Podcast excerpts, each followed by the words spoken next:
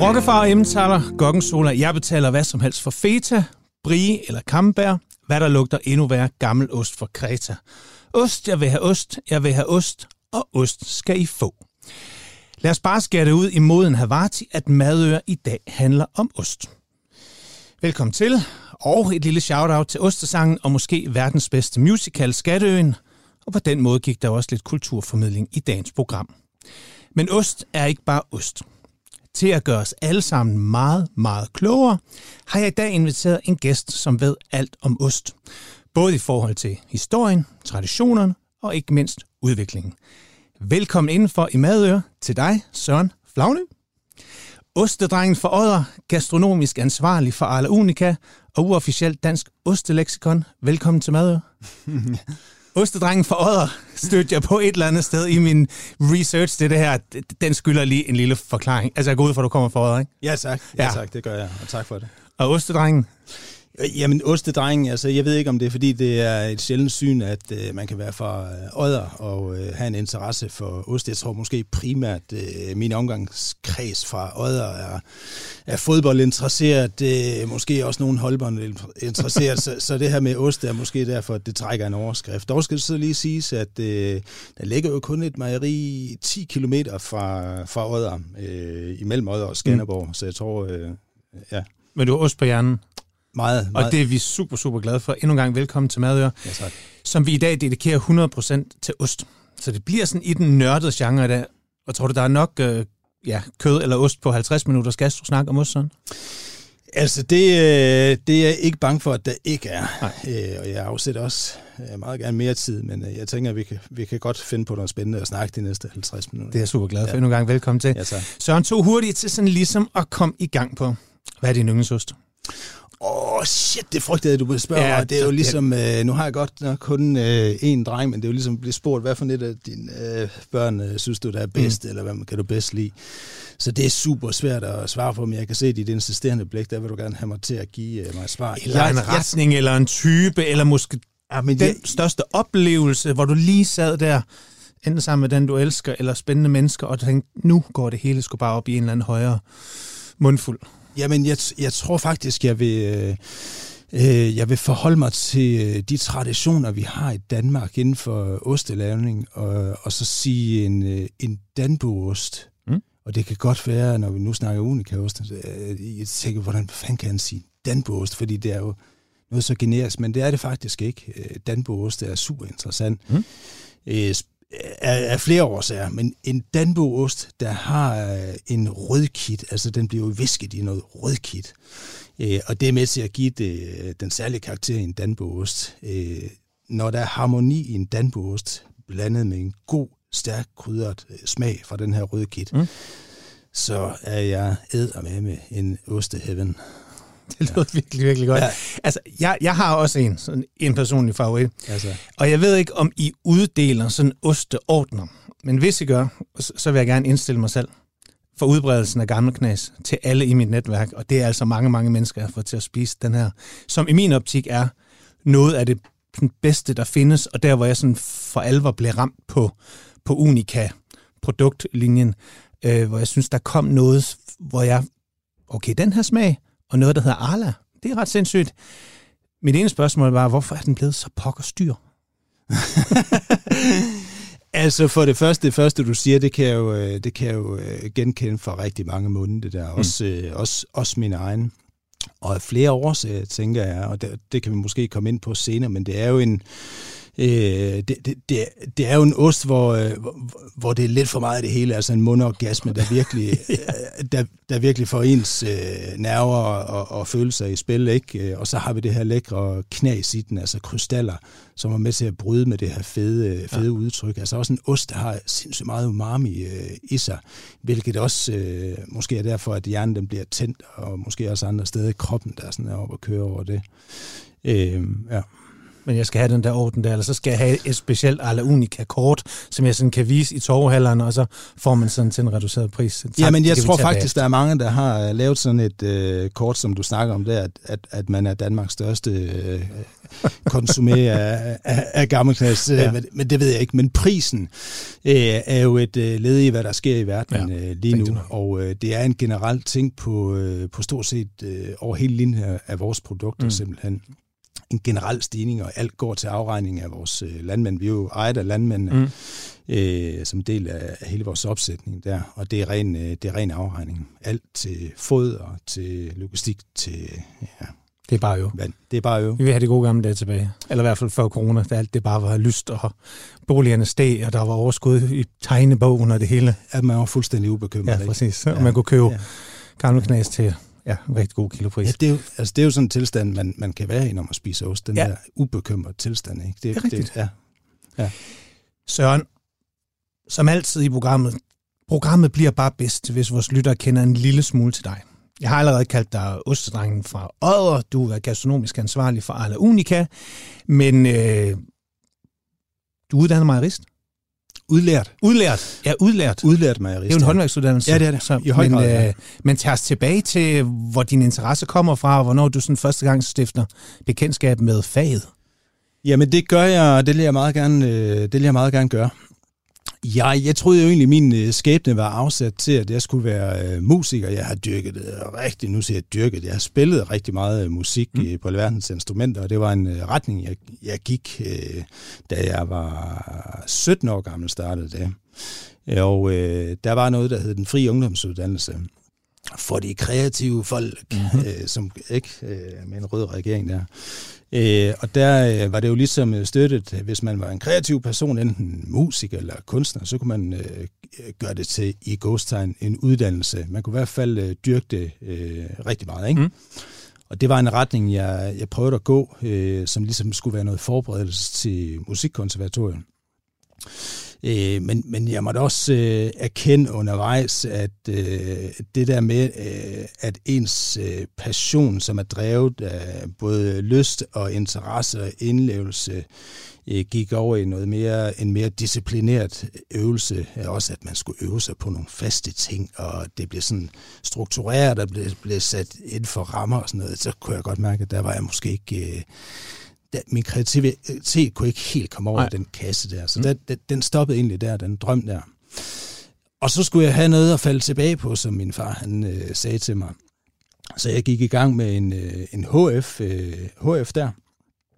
Øh, stort set øh, fuld pensum i alle fag, jeg kom der helt skinnet ud. Øh, og under HF fik jeg et job på et postkontor, ej ikke et post, øh, på et mejeri som ostevenner. Ja. ja. Og øh, det var min kammerat, som jeg faktisk spillede musik på, som trak mig ind på det her mejeri, Gjesing Mejeri, som ligger mellem Odder og Skanderborg, som jeg startede med at sige i, i indledningen der. Så øh, når jeg havde fri fra HF, så kørte jeg ud og vendte oste på, øh, på det her mejeri.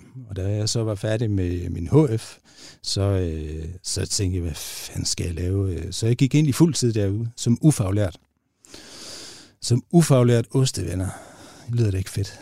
Det, mm, det lyder i hvert fald som en, en lidt af en anden vej for sådan en åbenlys rock'n'roller, ja, som, ja. som egentlig drømte om musikken og ja. verdens scener til at tænke, nu bliver jeg lige venner med ostene. Ja. Og så Altså ja. ostevenner, det er en af dem der, som man har set også i Parmesan land, landskab, der går hele tiden og Gik du også og bankede, eller hvordan? Nej, for det var jo Gies Mejeri laver primært bløde oste, okay. så det kom jeg ikke, øh, det fik jeg. Du det gik simpelthen og vendte ostene? Ja, vi vendte osten, ja, okay. helt klart. Men, men du må også have dykket lidt mere ind i hele den her mejeribranche? Og... Ja, men det var så det, der startede der jo. Ja. Altså, øh, fordi jeg blev tilbudt en, øh, et fuldtidsjob derude.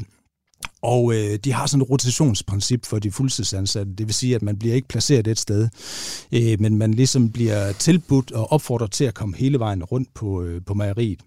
Og det var, det var egentlig der, øh, min interesse den startede øh, for det, fordi øh, jeg var super fascineret af af den øh, sådan koordineret indsats, der var inde i sådan en osteri øh, mellem de folk, der gik og arbejdede med hænderne i ostekartet. Det var fuldstændig synkroniseret i forhold til, hvem der gjorde hvad, og på tide, og de snakkede næsten ikke sammen, men jeg kunne se på deres kropssprog, de kiggede på hinanden, så der var en eller anden der var en rød tråd over til det der musik, jeg jo kendt fra et, fra et øvelokale, hvor man sidder og prøver ah, ja. at få uh, samlet tingene til en enhed. Øh, så så der, det, det, det synes jeg var super sådan et kreativt miljø at være i, samtidig med, at det egentlig var struktureret øh, og sådan koordineret øh, den, den indsats der. Så der var noget musisk, så når man kommer ud og omkører, så skal vi se stykket. Folk de ligesom Ja, men det, det hele, det bare... Ja, ja, det, ja. Det, det, synes jeg, det, og det, det, det levede jeg mig fuldstændig ind i. Både det med, at man, øh, det, det var åbne ostekar, man kunne øh, få hænderne ned i ostekornen og mærke dem og presse den der valde ud af ostekornen. Det lyder også meget sensuelt. Det var det faktisk også. Det må det gerne være. Ja, helt klart. Ja, og, og, og, øh, og, og da man så ligesom øh, viste, man havde interesse for det ja. der, så de gamle mejerister kunne jo rigtig fortælle ud af deres erfaring. Og jeg kan huske, øh, jeg spurgte ind til, hvordan fanden man, øh, man, man, man vidste, hvor meget øh, fløde og skummælk, og, og hvor, altså hvordan man vidste, hvordan man skulle standardisere mælken ind, som man skulle fremstille de her ostekorn af. Og der kan jeg huske, der var en, en, en, en gammel mand i fat, der gik ud, tog mig med ud til sådan en flødetank, der var man skiller jo mælken ad i fløde og skummælk for så at blande dem sammen igen, for at standardisere efter, hvad for en fedtprocent, der skal være i osten til, i, i sidste ende. Ikke? Mm.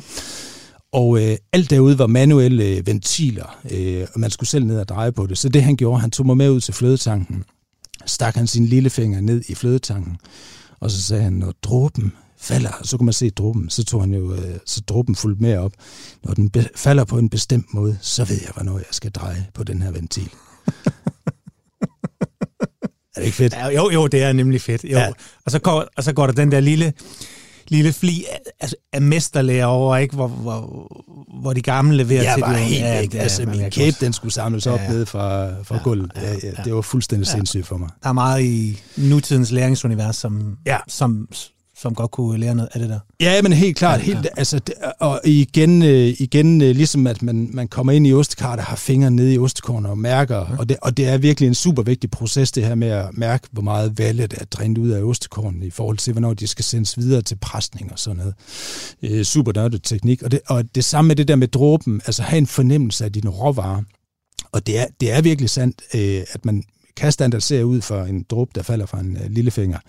Mange mejerier foregår det lidt i lukkede systemer, man har ikke helt samme, øh, samme øh, touch måske okay. på...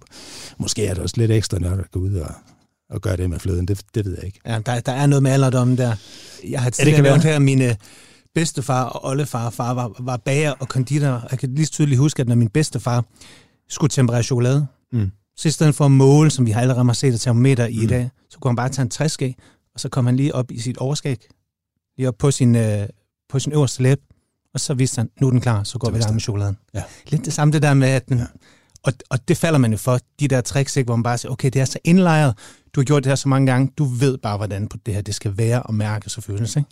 Jo, men det, jo, helt klart. Altså, der er jo sådan noget øh, multisensorisk, ja. øh, en, en multisensorisk øh, kvalitetsbedømmelse af ens øh, proces og, og råvarer. Det, det bruger man rigtig meget. Altså, det, det har han jo mærket mm. med, med temperering. Han ved mm. lige, hvornår den, øh, hvornår den er der. Nogle gange kan du mærke det på fingerspidsen, nogle gange kan du se det på den måde, den falder ned fra skeen eller fra kniven. Ikke? Altså, det... Men du kommer i lære? Jeg kommer i lære, ja, helt ja. klart. Og øh, kort tid efter, så bliver jeg faktisk øh, tilbudt at gå under uddannelse. Og det vil sige øh, starte, i, starte i lære som, øh, som mejerist. Og øh, skoleforløbet for en mejerist ligger i øh, Odense, på noget, der nu hedder øh, Kold Koldes, det gamle Landbrug Højskole nede i, nede i Odense. Og øh, det er, øh, fordi jeg havde øh, været på mejeriet så lang tid, så fik jeg noget merit for mm. den praktiske del. Normalvis tager det tre år, og jeg fik den kortet ned til, til to år. Og måske også fordi jeg kom fra Gese Mejeri, hvor man fik lov øh, at blive roteret rundt på, på de forskellige steder på mejeriet. Så på to år, så var det en øh, blanding af et, øh, en teoretisk, øh, et teoretisk ophold på skolen, hvor man så efterfølgende tog ud på mejeriet og udførte den praktiske del. Og heldigvis var det koordineret, så de ting, man ligesom fik at lære i, i skoleperioden, mm. jamen det var det, man også skulle ud og arbejde med i praktikperioden. Super fedt, øh, super fedt forløb. Ja. Og mejerist, bare lige for dem, der sidder og lytter med og tænker, mejerist, skulle til at blive det. Jeg mener, det er en af de højst betalte jobs, man kan få, når man er nyuddannet i dag. Sig det bare, jeg har en god ven, og det er super fedt, så får man også lov til at arbejde med ost. Og, og super populær, øh, super populær øh, uddannelse Ja. i øvrigt. Øh, dels fordi, at det er et øh, alsidigt arbejde, Mm. det er et fedt arbejde øh, for folk, der måske ikke gider at sidde på skolebænken. Så den her afveksling af det teoretiske med det praktiske, øh, og så selvfølgelig, som du siger, med en, med en fornuftig løn, jamen, øh, what's not to like? Præcis. det, ja, lige præcis. Men du bliver færdig som mejerist. Og så tager jeg faktisk en øh, overbygning øh, efterfølgende, Mm. som hedder mejeriteknolog, som øh, ikke, ikke nødvendigvis er en ingeniøruddannelse, men det er måske skridtet mellem øh, mejerist og, og mejeriingeniør. Ja. En toårig uddannelse også, øh, hvor du går endnu mere i, øh, i dybden med det teoretiske, øh, mikrobiole øh, på, i laboratoriet osv. Øh, og øh, det blev faktisk også på et øh, ophold til udlandet, øh, hvor jeg skulle skrive mit øh, speciale i Kanada, på et mejeri i Kanada. 17 uger derovre. Super interessant. Øh, dels at blive sat 10 år tilbage i øh, tiden i forhold til, hvad man ved om øh, mejeri, men øh, det var en fed opgave. Ja, ja helt klart. Men jeg tænker, på et eller andet tidspunkt i hele det her forløb, ja, du støder på de, de ældre, og de lærer det. Men fra det tidspunkt og så til nu, altså hvor du hele dit liv er i ost, mm. altså der, har, har der været et eller andet tidspunkt i din uddannelse, eller på et eller andet tidspunkt, hvor du bare tænker, okay, det her, det bliver nok det, jeg skal? Øh, ikke Eller, nød- eller, eller kommer nødvendigvis til at den- fylde alt?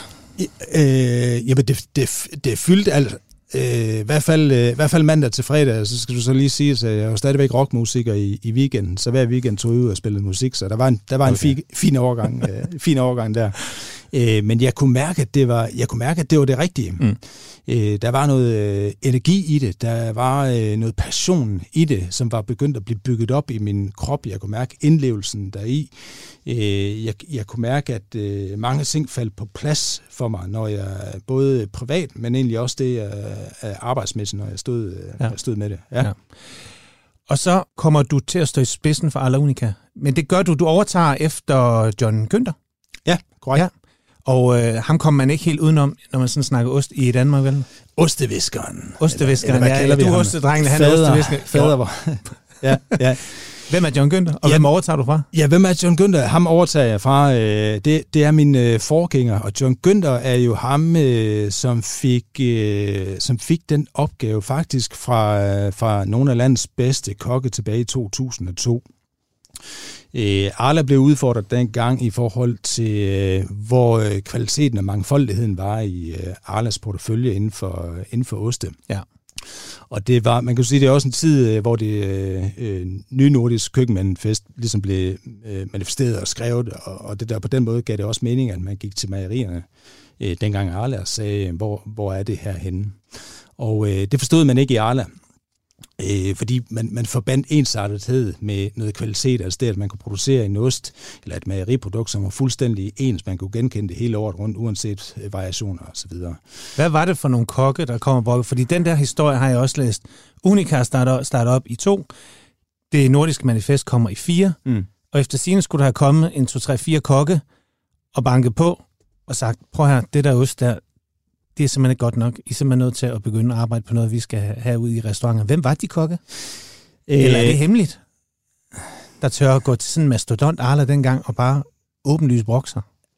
Nej, altså, det er ikke, nej, det er ikke nødvendigvis øh, hemmeligt. Altså, det, er ikke, det er i hvert fald ikke nogen hemmelighed, at Jesper Kok, han var, Okay. han var med til at sætte skub i det der. Okay. Og, og, nu snakker vi om øh, Gammelknæs tidligere. Ja. Der har han jo i hvert fald, øh, jeg siger ikke, det er ham, der nødvendigvis har øh, født øh, Gammelknæs, men han gav nogle rigtig gode øh, input øh, under, under et mejeribesøg på Nørvia Mejeri, som, som den er fra.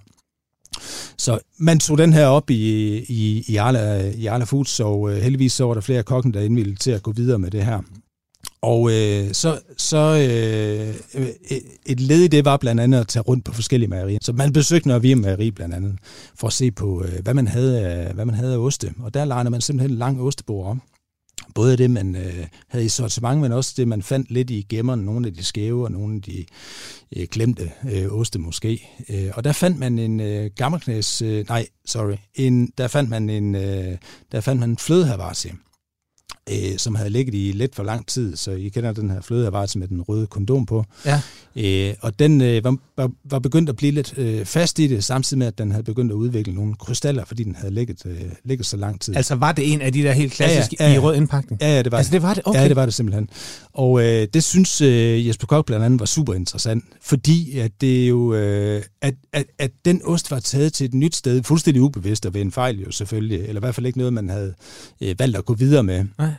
Øh, så så øh, han synes, det var super interessant, fordi at teksturen på den, han i forvejen kendte, var kommet til et helt andet sted, og dermed jo også osten var kommet til en helt andet sted, og understøttet af de her krystaller, der var i, som var med til at bryde med det her fede udtryk.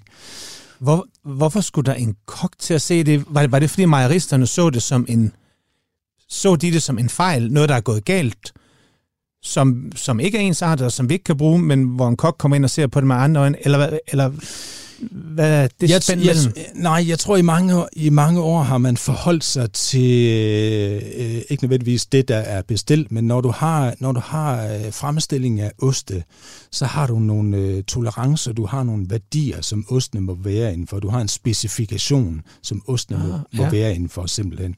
Øh, og hvis de afviger for det er sådan helt drastisk, det kan enten være et syrningsforløb, altså et pH-forløb, der er gået helt øh, galt, jamen, så lever de ikke op til de her krav. Og særligt på, øh, særligt på oste, der har et, øh, et brand bag sig, jamen, så- er man sådan meget nøje udvalgt i forhold til, at det skal have en bestemt pH, det fedtprocenten og vandprocenten og, og så videre. Det skal selvfølgelig ligge inden for, inden for det rigtige, Ja. af hvad de specifikationer er. Så når osten falder ud for det, jamen så kan, blive, øh, så kan det gå videre til noget andet, måske noget private label, eller noget, den i hvert fald ikke var tiltænkt til. Ikke? Mm-hmm. Ja, og, og den her ost var jo tydeligvis uden for specifikationen, ja. Ja. Så den var ikke gået videre som en flødehavare til, som så lå nede på, på hylden, ikke?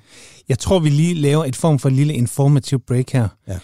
Fordi vi er, vi er jo allerede gået i gang med at nørde ost og kultur og syre og smag og kit og så videre. Altså, kan du ikke bare lige tage os bare sådan igennem sådan basic? Hvad er, hvad er ost? Hvad? Hvordan laver man den? Og hvad er sådan de typiske ting, man kan præge den med? Så vi Mm. bare har sådan en nogenlunde grundforståelse forståelse af osten og, og tilblivelsen af en ost. Øh, jo, det skal jeg prøve at, at, at simplificere ind til en øh, meget, øh, meget du, kort har, du har 60 sekunder. Ja, ja tak. Super.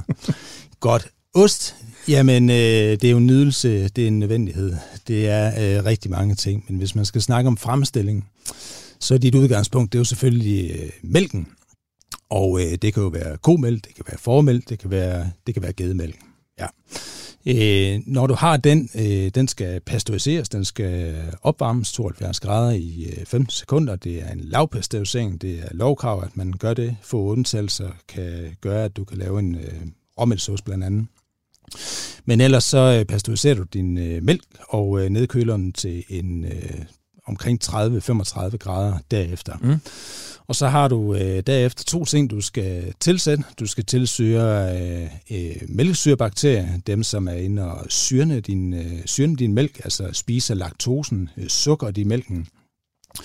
Øh, og deres primære opgave, det er at danne syre og aroma. Ja.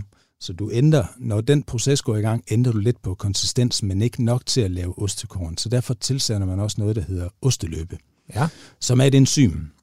Og i gamle dage blev de udvundet fra kalvemaver. Nu bliver de øh, i hvert fald øh, 100% af de unika oste, vi, øh, øh, vi har, der, der er det mikrobiel øh, osteløb, altså løbe, som er udvundet fra nogle, fra nogle svampe. Ja. Hmm. Yes. Og øh, osteløben går simpelthen ind og øh, sørger for, at øh, mælken bliver opdelt i øh, to. Du får en øh, fast øh, del, du får en øh, flydende del kaldt øh, valle. Yes, så du har sådan en helt geléagtig tilstand i dit ostekar, når du har tilsat, øh, tilsat osteløben. Og øh, derefter så skærer man øh, sit kval får en masse ostekorn ud af det, ligesom hvis man forestiller sig et bære med hytteost, når man kigger ned i det, så det her ostekar det er fyldt af sådan nogle små hytteosttern. Mm-hmm. Så varmer man lidt op på, øh, lidt op på øh, ostekart, og det gør man egentlig for at fremme valleudskillelsen. Det vil man gerne af med, øh, fordi man vil have ostekornene til at være lidt mere faste. Det skal de være, når man gerne vil forme sin, øh, forme sin ost. Og når jeg sidder og snakker om det her, så har jeg et billede af en, af en gul ost. Øh, ja. Ikke en, nødvendigvis en blød hvidskimmel eller en, øh, en blåskimmel, men en gul ost. Det er, sådan, det, det, er det, der måske er nemmest at, at forklare ud fra. Det er en klassisk dansk mellemlager, man skal have små Ja, det kan, ja, lige præcis. Ja. Øh, og, øh, og inden, for, inden for gul ost, så har man to teknikker, man bruger i forhold til at øh, fa, øh, øh, hvad hedder det, fange de her ostekorn. Man kan, man kan fiske osten, altså have en fisket ost. Det vil sige, at man tager ostekornene op i et net og lader vallen øh, ja. fra. Ja. Og dem, øh, dem lægger man så over på et bord, og så lægger ostekornene og presser af sig selv. De selvpresser simpelthen. Og gammelknæs, den er den type en fisket øh, ost, og det giver ofte sådan en uregelmæssig struktur i osten. Den er ikke helt, øh, den er ikke helt sammensat, øh, ligesom en, en danbo måske, eller en gouda. Mm. En gouda eller en danbo, det er det, man kalder en opstukket ost. Der lader man ostekornene blive presset under valle simpelthen. Ah, så dræner man mm. vallen fra efterfølgende, når osten ligesom er presset sammen. Så når du har drænet al vallen fra, så har du din blokke med, med ost. Hvorimod en fisket ost, der ligger du og venter på, at den presser sig selv, og vallen den også, øh, tror jeg, der er. Men i bund og grund, det første du fortæller, det er sådan set grundteknikken for de fleste oste. Ja, det kan det være. Altså, så har man også øh, en teknik, der hedder øh, ældedost, for eksempel. Det kender man fra, fra cheddar. Ældedost er egentlig i princippet også en fiskedost, men hvor man ælder noget salt ind, øh, mm. ind i. Det er også en lidt en old school øh, teknik. Så har, vi, så har vi grundlæggende osteviden på plads, hvad ost er, og så, og så videre. Ja, så er der noget saltlag. Øh, ja, og noget lagring, og man kan og, knuppe den, ja, og man præcis. kan ja. gøre alt muligt ved uh, den, ikke? man kan gøre rigtig meget. Altså, det er jo der, det... Du reagerede på det der knuppe. Ja, ja. ja, det gjorde jeg lidt. Ja. Det er jo det. Ja. Men det er fordi, det er så lækkert. Fordi det, nu, nu starter det spændende. Fordi nu kan du køre osten i mange forskellige retninger. Ostens DNA, vil jeg sige, er mælkesyrebakterien, altså det du, det du først tilsætter til, til din ostemælk. Ja. Der kan du lave en sammensætning af, af bakterier, som, som, som er ostens DNA. Øh, du sammensætter forskellige stammer, som du ved på, på sigt under dit modningsforløb, kan tage den her ost i forskellige retninger. Bliver, Men, bliver det også allerede en smagsgiver? Ja, det gør det helt ja, klart. No, ja, okay. Ja, det gør det helt klart, fordi det, der sker øh, mælkesyrebakterier under modningsforløbet, de æder løs af det her laktose, der er inde i, øh, der er inde i mælken, også i, øh, i, også i ostekornene. Og mm. når der ikke er mere laktose, så går de i opløsning. Og når de går i opløsning, så frigiver de enzymer. Og ah, enzymerne, ah, de er super vigtige for, øh, for selve modningen. Og der skaber man nogle forhold for de her øh, enzymer undervejs i modningsforløbet. Du har øh, efter saltlag noget, der hedder gæringslager. Du kører høj øh, fugtighed, du kører høje temperatur for at til, til gode se øh, bakterier og enzymerne. Sæt den her proces i gang. Herefter sætter du dem ind på et øh, modningslager, hvor du kører fugtighed og temperatur lidt ned, og så styrer du det sådan helt, helt gentle. Yes. Og så kan man gøre alt muligt andet. Man ja. kan jo, altså, du kan, du kan lade en ost øh, få ilt, du kan altså aerob øh, miljø, du kan have et anaerob miljø, gammelknæser i et anaerob miljø, hvor du øh, putter osten ned i en pose, du suger vakuum, og ja. så lægger den egentlig og modner der. Det er meget forskelligt. Så er det på plads. Så har vi i hvert fald en grundlæggende viden her. Ja. Vi hopper tilbage til Arla Unica. Ja. Jeg synes, det her samarbejde med kokkene, synes jeg er super in, in, in, in, interessant.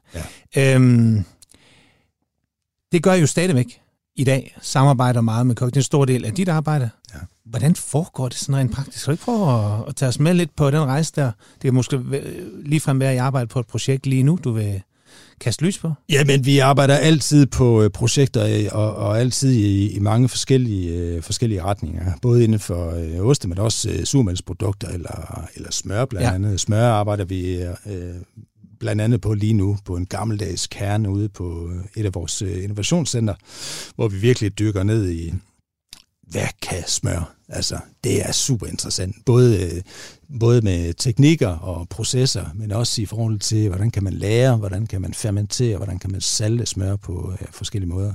Super interessant. Og hvad er det så for en kok, der har brugget sig over det danske smør den her gang? Nej, men der er ikke nogen, der har øh, brokket sig over det. Øh, vi har længe hørt, at, øh, at, at uh, lagret smør, det kunne fandme ja. være fedt. Altså, der, også at, jamen, sådan en myte om, at uh, det nærmest har været en konkurrence nogle steder, hvor, uh, hvor gammel er dit smør? Mit er 9 år, og mit er 6 år. Men vi vil gerne ind og forstå, hvad er det aller nødvendigvis gør. Fordi jeg synes også, vi nogle gange så kan, man kan også aflive myten om, at alder er lige med kvalitet. Ja. Øh, faktisk inden for oste også, altså der er nogen, der holder fast i, jo ældre og så videre, jo bedre er den. Men jeg synes, det er lidt en øh, myte. Det er lidt øh, alt efter, hvad man sætter fokus på, eller hvad man i hvert fald gerne vil, vil vise med, med ost. Mm. Lidt ligesom, øh, nu havde det også Thorsten Vilgaard inde på et tidspunkt, mm. han fremviste jo også, at grønne jordbær kan jo også noget super interessant. Det skal jo ikke være et perfekt jordbær, der er rødt og øh, sødt og syrligt samme. Du kan også godt fange nogle, en råvare i, i forstadiet, eller helt i efterstadiet, sige, hvad kan det på det her tidspunkt? Og det prøver vi også at belyse nogle gange med ost, og nu måske også med smør. Det ved vi ikke nu. Vi vil først lige dykke ned i det her smør. Hvor gode er vi ved at være på ostefronten? Fordi jeg tænker jo tit på, når man var ude at spise i sådan en gammel dag, og et ostebord kommer ind, jamen der har det jo nok altid været sådan de franske og de italienske oster, som ligesom sådan har gjort sig gældende på det her ostebord. Mm. Var det i bund og grund det, kokkene manglede? Altså de, de, de manglede nogle oste til at introducere til ostebordet, eller var det også i maden, eller hvordan og hvorledes? Og hvor gode er vores oste ved at være? Sådan sammenlignet med, ja, Frankrig og Schweiz og... Jamen altså, øh, det var helt klart en efterspørgsel i forhold til at afsøge, hvad, hvad, hvad har man i Danmark? Mm. Øh, og, og jeg tror også, det var derfor, man gik til, til mejerierne og sagde, jamen for fanden, der er så lang og stolt en tradition inden for fremstilling af oste og andre mejeriprodukter. Vi må skulle da kunne lave noget, som vi kan sætte på vores øh, restauranter. Vi gider da ikke have de franske oste 100% øh, på vores, øh, på vores ostevogn eller på vores platter. Vi vil også gerne vise, hvad vi selv kan. Altså mm. den her stolthed over vores råvarer, vores producenter osv. Og det, og, det var, og det var den efterspørgsel, der var, og det synes man jo var interessant i, i Arla Food, så det var, det var der kokkeprojektet startede, som så senere blev til, til Unica, ikke? Øh, og vi, vi, vi fik en ostebil, så når vi ligesom havde nogle, når vi havde nogle, øh, når vi havde nogle forsøg, vi gerne vil vise øh, kokken, så kørte vi ud med dem, og vi fik noget feedback og noget sparring, og shit, det er noget lort, og det derovre, det er pissegodt, det skal I gå videre med, kan I ændre formatet, kan I give det lidt længere modning, hvad med lidt mindre salg.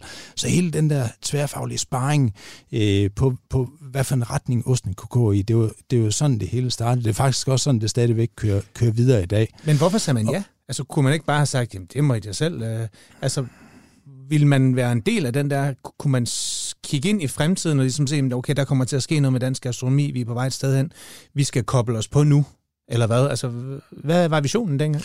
Nej, men jeg, jeg, visionen var jo at løfte mejeri til nye højder. Det er ja. den stadigvæk i, i dag, øh, og man kan sige, det er jo øh, det, det, på grund af en efterspørgsel fra, fra en, fra en, øh, fra en scene, hvor man godt kunne mærke, at der var fremdrift, der var skub, og der var, øh, der, der var nogle stolte og dygtige øh, mennesker, kokkene, som, som virkelig satte skub i det her. Øh, og det, det synes man var super interessant, og det vil man gerne med på. Øh, og så tror jeg også, at en, eller det ved jeg, man i mejerifaget er meget stolte, øh, særligt øh, med afsæt i det håndværksmæssigt, så det var der helt klart en, øh, en losing at sige, men der er ikke noget, øh, hvor er mangfoldigheden, hvor er kvaliteten i osten. Så selvfølgelig skulle man derinde og bevise det, at man kunne lave øh, ost af højeste skuffe. Helt klart. Og nu her næsten 20 år efter. Ja. Hvordan vil du beskrive den rejse, og hvor er vi nu, sådan i forhold til, altså, hvis man kigger på Arla Unica de sidste 20 år? Ja, men de sidste 20 år, jeg synes, øh, altså, øh, altså opsætningsmæssigt, så kører vi jo på den samme måde med vores øh, ostebil ud til, ud til restauranterne. Og øh, jeg tror måske, dengang havde de lidt mere for sig selv i, i forhold til, at vi ligesom skulle have bygget et sortiment op. Og nu, nu har vi kørt i øh, 20 år, og kører stadig med et særligt sortiment til udvalgte restauranter, plus øh, alle vores, øh, alle vores øh, forsøg. Og de oste, der så har været i øh, sortiment lidt længere, det har, dem har vi sat lidt bredere ud. Det vil sige, at andre restauranter også kan købe dem ved deres øh, grossist. Og sådan er der sådan lidt en drøbeffekt øh, fra vores, øh, hvad skal man sige, innovation og udvikling. Så vi, vi, jeg synes, vi står et helt andet sted i dag. Øh, ikke at vi ikke søger sparring og inspiration øh, udefra, øh, men vi står et sted øh, i Unica, hvor vi, øh, vi fandme godt ved, hvad kvalitet er. Vi kan godt øh, udvikle ost, vi kan godt øh, udvikle mejeriprodukter. Øh, nogle er interessante for øh, kokke, andre er interessante for en øh, barista måske, eller en øh, bager.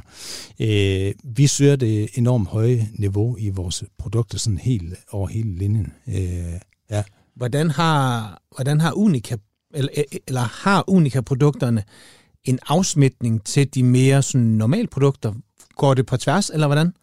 Altså jeg vil sige, øh, vi, vi, øh, vi kommer jo rigtig meget ud på vores øh, mejerier. Vi, vi anvender jo alle mejerier, og øh, på nogle af stederne har vi også øh, mikromejerier, eller i hvert fald mejerier inde i mejerier, som er en meget lille afdeling, hvor vi har små 20 liters kar og øh, 50 liters kar, hvor vi kan lave forsøg og alle de her ting. Og det er klart, at der har vi nogle øh, mejerister ude, som er tilknyttet øh, Ala Unica og arbejder med øh, produktionen af de her øh, øh forskellige oste. Og jeg kan mærke, at fagligheden den er enormt høj, øh, når, vi, øh, når vi snakker Unica derude. Men det er også begyndt at dryppe videre til øh, resten øh, af organisationen i, i Arla Foods. Øh, og, og at man også godt øh, øh, kan erfaringsudveksle på oste, der ikke nødvendigvis skal ligge ude på toprestauranterne, mm. men at man kan se, at der er nogle synergier over til, øh, over til nogle oste, som måske skal ligge nede i et supermarked. Ja, for ja. jeg synes netop en gang imellem, når jeg er i en, går i Netto eller et eller andet, så synes jeg, at der sniger sig lige pludselig, så kommer der sådan en aged, aged Havarti. Ja. En, om det er lige Arla eller en af de andre, men, men der må være et eller andet form for afkast, at man også kan Unika være med til at påvirke sådan danskernes smag i ost og specialoster? Det håber jeg, vi kan, og det håber jeg, vi, vi har gjort, det håber jeg, bliver ved med at gøre, fordi jeg synes, at øh, i hvert fald i, i Arla har man gjort det her, og det er rigtigt, at man kan godt øh, finde øh, nogle oste, som er lidt mere, som har noget alder bag sig. Man kan også se, at det er i hvert fald ikke flødehavarti, der ligger der. Det er en aged havarti, og den har også nogle, øh, den har også nogle krystaller. Så på den måde er der, er der kommet flere oste, øh, som har lidt premium over sig. Men jeg synes også, øh, at andre gode mejerier er kommet rigtig godt med, øh, altså naturmælk og teaser osv. Altså, der er jo flere, der er begyndt at dykke ned i det her specialost, også har gjort det i, i flere år, men i hvert fald har fået flere oste på, øh, på, i, i deres portefølje, ikke? Mm. og det, det er super fedt. Det synes jeg kun er fedt. Vi mødes jo også øh, de forskellige mejerier til forskellige øh, food fairs osv., og, øh, og der snakker vi jo udvikling også øh, hele vejen rundt om i, i branchen der, så, og det, det er super fedt. Og det er også med til at tænde en energi, øh, en energi øh, for fat øh. Hvordan har, øh, hvordan har osten det egentlig i Danmark? Altså, hvad er, hvad er danskerne for nogle oste spiser og nyder? Kan man sige noget generelt om det? Jamen, det, det synes jeg, der er, fordi øh, der, er en, der er en stolt tradition for øh, ostefremstilling, øh, som, altså, som jo går helt tilbage til øh, andelsbevægelsen i, i slutningen af 1800-tallet. Øh, og, og som jeg lige øh, nævnte før, så, så synes jeg, der sker øh, rigtig meget, også med andre mikromejerier, måske også øh, gårdmejerier. Øh, og så kan jeg se øh, øh, med, med, med alle de tiltag, man tager på de forskellige mejerier, hvad det er Arle eller nogle, nogle af de andre, hvor man har gang i så meget osteproduktion, så er det fordi, der er en kæmpe interesse for det. Ikke kun ude på de bedste arrangementer, men også, også på forbrug, ganske almindeligt forbrugerniveau ude i, ude i supermarkeder, ja. Men også, øh, også at tage det med hjem og sidde og gøre det til en, øh, til en god oplevelse, hvad enten man skal have gæster, eller man simpelthen skal sidde helt for sig selv og være ubekymret og nyde sin dejlige ost. Men hvad spiser vi mest af? Er, er det den klassiske, ja nu siger jeg, mellemlageret på, på, på, på morgenbordet, eller, eller Nej, det, det tror jeg faktisk ikke, det, det, er, det er mere. Øh, altså, det, det er klart, at der er nogen, der... Jeg tror sgu ikke, man kan sætte det i bås på den måde. Ja, min fornemmelse er, at øh, der, der er kommet mange flere forskellige oste, og derfor er det også fuldstændig individuelt, hvad man spiser på for eksempel et øh, stykke brød. Altså, nogen er til gammelknæstypen, nogen er til den helt, øh, måske stadigvæk sådan en flødehavarti-type, øh, nogen er til blåskimmel, nogen er til hvidskimmel. Altså, det, det, det er meget forskelligt. Men danskerne tager generelt godt imod de her nye ting her. Ja, det synes jeg, det gør. Men hvorfor kan man så ikke købe alle Unicas produkter i de danske supermarkeder? Jeg har altid synes var lidt ærgerligt, at man at de ikke tør tage det skridt. Ja, det er ikke et, øh, det er ikke et skridt, vi skal, vi skal tage i uh, Unica. Altså vi, vi, jeg, jeg tror, vi havde et par produkter ude på hylderne for, for mange år siden, og det får vi sgu stadigvæk slet, lidt slag for ude på, når jeg kommer ud til, til restauranterne. Og det er jo, og, og det er jo noget med, hvordan man opfatter, uh, opfatter uh, Arla Unica. Altså vi, vi, vi vil sgu gerne uh, løfte mejeri til, til nye højder, og vi... Uh, uh, de, de øh, sparringspartner, vi har, øh, er øh, lidt for den øverste skuffe, øh, selvfølgelig, selvfølgelig får med input mange steder ja. fra, men det, men det er klart, at vi, vi forbinder os selv, øh, vi, det er der, vi ser os selv, så selvfølgelig skal vi ikke ligge ude i, øh, i et supermarked til øh, lavpris og så videre. Der vi mister fuldstændig kontrol med det der. Søren, ost, ost, ost. alle mine gæster får lov til at tage en råvare med. Og tada, hvor er jeg spændt på, hvad du har taget med i dag. Åbenbart det for os. Hvad har vi foran os lige nu? Jeg kan jo for helvede se det. Søren, hvad har du med til os? Jeg har guld med. Det har jeg. Og øh, faktisk er næsten af navns øh, nævnelse, så har vi øh, lavet en ny ost. Og øh, den hedder Guldklimp. Og det er et svensk navn, fordi det er en øh, svensk ost. Vi øh, laver den her ost på Østersund Mageri. Oversat til dansk, så hedder det Guldklump. Og øh, lidt som jeg snakkede om tidligere med en øh, fiskedost, det her det er en fiskedost, ja. den har den her uregelmæssige øh, struktur, sådan en porøs struktur. Og når man kigger på sådan en øh, guldklump, så, øh, ja, så er den jo første, for det første guldfarvet, men den har også sådan en, øh, en uregelmæssig struktur øh, i sig. Øh, den her er dog lidt blødere at sætte tænderne i end, end en guldklump. Men, øh. Og det er en form for Danmarks premiere, det her, eller hvad? Ja, men det, det er det faktisk. Øh, altså, vi, vi, vi er lige kommet med den, og øh, man er lige øh, begyndt at få øh, øjnene op for den. Øh, så, så jeg i hvert fald, det er derfor, jeg har taget den med, fordi mm. jeg tænkte, det øh, skal du fandme have lov at, at smage på det her. Jeg håber, du lige så op og kører over, som, ja, men som jeg er. jo sindssygt. Hvad skal den her kunne uden når den kommer ud? For det her det er også en, der skal ud på restauranterne. Og, øh...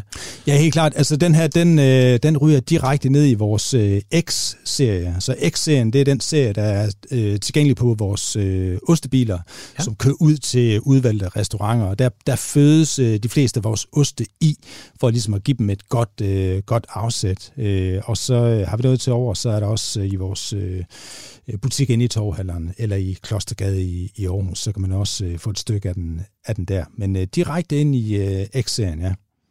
Skal vi ikke smage? Jo, det synes jeg. Ja, det er ja. det, vi skal. Fedt. Så øh, nu beskriver jeg, nu bliver... Og det er ikke bare sådan et lille stykke, der er pakket ind i brun papir. Det er, jeg vil næsten tro, der er et kilos penge, som øh, Søren nu forsøger at, at få hul på. Den, øh, den har virkelig en unik farve i strukturen kan den godt kan den minde lidt om gammelknasen også, det du siger, at, at, at begge er den her fiskede ja, og type, det, altså sådan, den er ikke sådan... Ja, Nej, den, den, den, er jo ikke, den er jo ikke presset sammen. Altså, den, den har den her...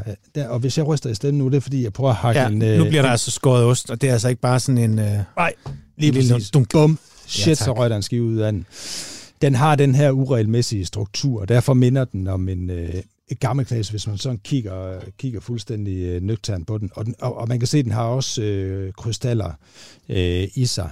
Og de fleste fisk vil se sådan her ud. Altså, du vil have de små, øh, de små huller. Og nu, nu, nu, knæk, nu stikker jeg den her kokkeniv direkte ned i mig, og så, ja, vrik, det, og så vrikker jeg med ja, håndtaget, ikke? Jo, for nu, nu, nu danner den overflader, i stedet for hvis du... Søren, han skærer ikke en skive, han, han knækker det sådan ud i sådan nogle små... Øh, ja, i, i, små stykker. Ja, i, i det svageste led, vil man sige. Ikke? Altså, fordi det er der, osten gerne vil falde fra hinanden. Ikke? Det er der, jo. den er svagest, ja. Og jeg ved også, at, øh, at de har en, øh, en stor tilgang til, hvordan osten skal serveres, øh, ud fra hver type det er, om det er i skive, eller det er i stykker, eller det er i stave, netop så osten kommer ud på, på den bedste måde. Og har vi en time mere? Nej, Nej, men, ja, men altså, det er helt klart, fordi det er, så... det, ja, men det, det, det, er, det er super vigtigt. Øh, både, altså, der, kan man nævne, nævne nogle vigtige begreber i forhold til, hvordan får man det, øh, det ypperste potentiale ud, for mm. en, ud af en ost, når man skal sidde der. Så der er rigtig meget med temperering. Altså, der er jo nogen, der har godt af at stå en, ude i en team. Der er nogen, der... Du, du får lige 30 øh, sekunders osteops her, bare lige til de gængse typer, danskerne kender. Smide noget afsted. Øhm, blåskimmel, hvad skal de? Jamen blåskimmel, alt efter øh, om det er en øh, helt, altså en helt blød blåskimmel, mm. jamen øh, 10 minutter, 20 minutter, det er rigeligt, synes jeg. Det kommer også an på, hvad skal man drikke til? Skal du drikke noget, der er varm og gan? Skal du drikke noget mildt, eller hvad skal du? Hvad skal, du, hvad skal vi drikke til? Jamen, jeg altså, skal... hvad er det allerbedste til blåskimmel? Til blåskimmel? Ja. Øh... Og nu er det dig, jeg spørger. Altså, hvad, hvad, hvad elsker du? Nu vil jeg have dine præferencer. Jamen, jeg kan sgu godt lide at drikke øl. Ja? Ja. Helt klart. Så en god... Øh, det, jamen, det skal være noget mørkt, ikke noget, måske jo, men det, det, det, det, jo sagtens være noget stavt. Det, det er ja. fordi, jeg sidder og tænker på en helt bestemt øh, blåskimmel i hovedet, sådan dehydreret øh, uh, sort himmel fra Arla Unica med en slat formælk i, som bare er sindssygt lækker med øh, smag af svampe og, øh, og sådan det der træk, der er fra en fugtig kælder og blandet lidt med lidt anis, ikke? Så sådan stavt til, det er, det, det er heaven. Og hvad skal vi drikke til den her, hvis vi havde noget? Jamen, jeg, ja, nu synes jeg første omgang, ja, nu smager skal smage til Det gør vi. Og så synes jeg, at du skal sætte ord på, hvad du, øh, hvad du mærker i kroppen. Nu er der lige en naturlig pause, mens jeg ligger tykker. Det smager virkelig, virkelig godt. Lad mig starte med at sige det. Men jeg er jo også vinmand. Det kan være, hvis man lytter til det her så. Og, øh, og vin er jo også et, et håndværksprodukt. Det er også et fermenteret produkt, ligesom ost er. Så på den måde er der nogle af de samme ting, der går igen. Øhm, der er noget med mundfølelse, der er noget med smag, der er noget med struktur, syre, fedme. Og, øh, og på den måde kan man sagtens bryde en ost ned på samme måde, som man... Øh, men der er en, en, en meget, meget stor øh, fedme, der er en stor mundfornemmelse, osten fylder. Ja. Øhm, forholdsvis god syre. Øhm, den bliver ikke kedelig, den bliver ikke tung. Øhm, og så er der de her krystaller, som også sidder og piger når man bevæger, bevæger tænderne rundt og tungen rundt i mundhulen, jamen, så fanger man en krystal, og det giver et lille pop, det giver en gnist af et eller andet, som, som igen tænder noget mere øh, sådan, sådan, sådan smag i, øh, i osten. Øhm, sådan på eftersmagen, hvis man sådan bruger det her ord, altså det her retronasale, hvor, hvor man ligesom suger luft ind, som man kender, og ligesom smager efter, jamen så har man, øh, så har man sådan en, en kernet smør. Man kan også godt have sådan lidt svampe, synes jeg, sådan lidt øh, korn, sådan, øh, sådan ædel pilsner, øh, sådan nogle af de her sådan kornnoter, mm, mm. som... Øh, det smager virkelig, virkelig godt. Ja. Tillykke, hvis ja, man må sige det. Ja, ja, det smager godt. Altså, den her kunne godt... Altså, jeg kunne også godt blive gyld glemt ambassadør. Ja, klar, øh, klar. Og måske også lige frem opnå en orden for den en gang. Øh, jeg tager lige en lille bid mere. Søren, hvad synes du om den, øh, når du smager på den? Jamen, ja, ja, altså, øh, og, og øh, der satte du rigtig mange ord på, og det er, det er fuldstændig samme tankerække, jeg har, øh, både i forhold til smagsnoter, men, men, og, og, og det er en generel ting for ost, når jeg sidder og smager på dem. De gode oste for mig, det er det, hvor du egentlig bare kan øh, øh, dykke helt ned i det her produkt, luk øjnene, bliv ved med at smage nye ting, bliv ved med at kunne få den ud i siden, blive ved med at kunne få den ned bagved og få nogle nye øh, mm. tanker, nye smage. Du kan begynde at koble den sammen med nogle ting. Og det synes jeg, den her, den her guld, øh, guldklem, den kan. Den, den afføder en masse idéer, nogle tanker og nogle, øh, øh, nogle opdagelser undervejs. Og den, og den har jo meget øh, umami i sig, kan man sige. Ja. Altså, den, det, det er lidt en umami-bombe, det her. Ja. Lidt på samme måde, som Gammelknæs sagde, men ja. dog en, en, en anden øh, øh, måske mere syrlig frisk, kernet-agtig smag. Måske er det det, jeg synes, der er, der, der er meget primært for den her, hvor gammeldags for mig godt kan være sådan smøragtig, fed, øh, måske lidt brun, også brun, brun smør. Ja. Øh, så den her mere øh, frisk i det. Og det, det, det ja. synes jeg er super interessant. Jeg er meget, meget enig. Øhm, jeg kan ikke lade være med at tænke på, fordi jeg støder desværre en gang imellem tit på mennesker, der ikke kan lide ost.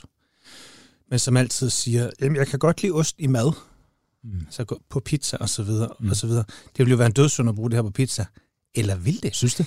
Jamen, det er jo faktisk det, jeg sidder og fisker lidt efter, fordi hvor meget er jeres, hvor meget er jeres ost udviklet til os at komme i med? Det har vi jo ikke rigtig berørt. Øhm, Nej, men altså, hvad vil du lave med sådan en her, hvis vi, øh, hvis vi er ude i en, i en ret? Altså, altså, jeg tænker, det her på, altså, på en rigtig god pasta, ikke? Jo, helt, jo, jo, helt klart. Ja. Den skal have noget varme, den her. Ja. Den er fantastisk. Altså, den smelter godt også? Den smelter godt, ja. Ja, okay. ja, ja det gør den. Den, den er super modtagelig over for, uh, over for varme, og, øh, og, kan, og øh, kan kan både øh, selvfølgelig bidrage med noget, og det, der adskiller man måske øh, osten nogle gange, de skal kunne noget funktionelt øh, nogle gange, an, ligesom sådan en smagsløs mozzarella, det er jo funktionelt. Det, det er jo ikke smag, den kommer med, det er jo, den skal smelte ja. og tilføre noget stringiness og så videre. Øh, I hvert fald, hvis man sådan snakker de generelle mozzarella, så kan man jo putte nogle mozzarella i med smag, og det lige tilbage til min pointe. Man kan lige så godt putte noget øh, gammelknæs i, måske, eller en, en ost med en, med en særlig karakter, og med noget umami og noget, noget syre, for at give noget til det her. Mm-hmm. Øh, så, så det synes jeg godt, man, øh, det synes jeg godt, man kan. Har du ellers nogle go-to-retter hjemme, hvor du ligesom tænker, okay, hvis jeg har en rest af det her, en rest der, så er det det her, vi, vi skal have? Øh, altså, vi har faktisk ikke ret mange rester. Vi er ret gode til at, sådan, at øh, disponere over, ja. vores, øh, over, over vores råvarer. Men det er klart, det, der, der, altså, der står altid øh, på bordet, uanset hvad vi får, så står der en havgus. Altså en af de andre oste, vi, øh, ja. øh, vi har, vores øh, nordiske parmesan, eller, eller hvad man skal sige, øh, den, den, Den har meget karamel, den har meget øh, brunet smør, den, den er floral, og den er sindssygt god til at, til at rive, den er sindssygt god til at øh, øh, komme nogle retter, som du, øh, som du varmer op, ja. øh, og er med til at give noget boost, noget øh, øh, matureness, noget, en, en, en, noget substans til den, her, til den her ret, du laver. Jeg synes, den her skriger på enten to ting. Altså pasta ja. med svampe, ja, svampe, og så den her revet over, og, eller en rigtig god sådan efterårstært, god mørdagsbund. Klart. Ristet svampe, ja. ikke masse, masser af det her revet ned i. Ja. Og så ind og bage med masser, og så sæt med ekstra æggeblommer, så man får den der rigdom, nogle klatter smør på, og så også det her revet på toppen, ikke? Ja, tak. Og så en eller anden sådan bittersyrlig salat til. Ja.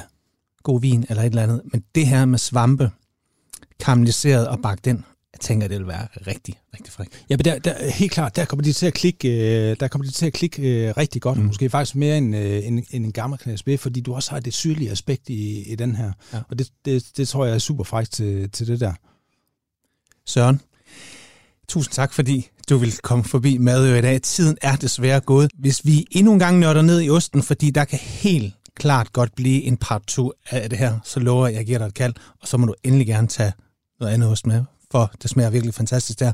Venner, husk derude, ost er fantastisk, både for sig selv og til mad. Det her det er Madøre. Det er hver fredag kl. 14.05 på Radio 4. Tusind tak, fordi I lyttede med. Jeg hedder Mikkel Nielsen.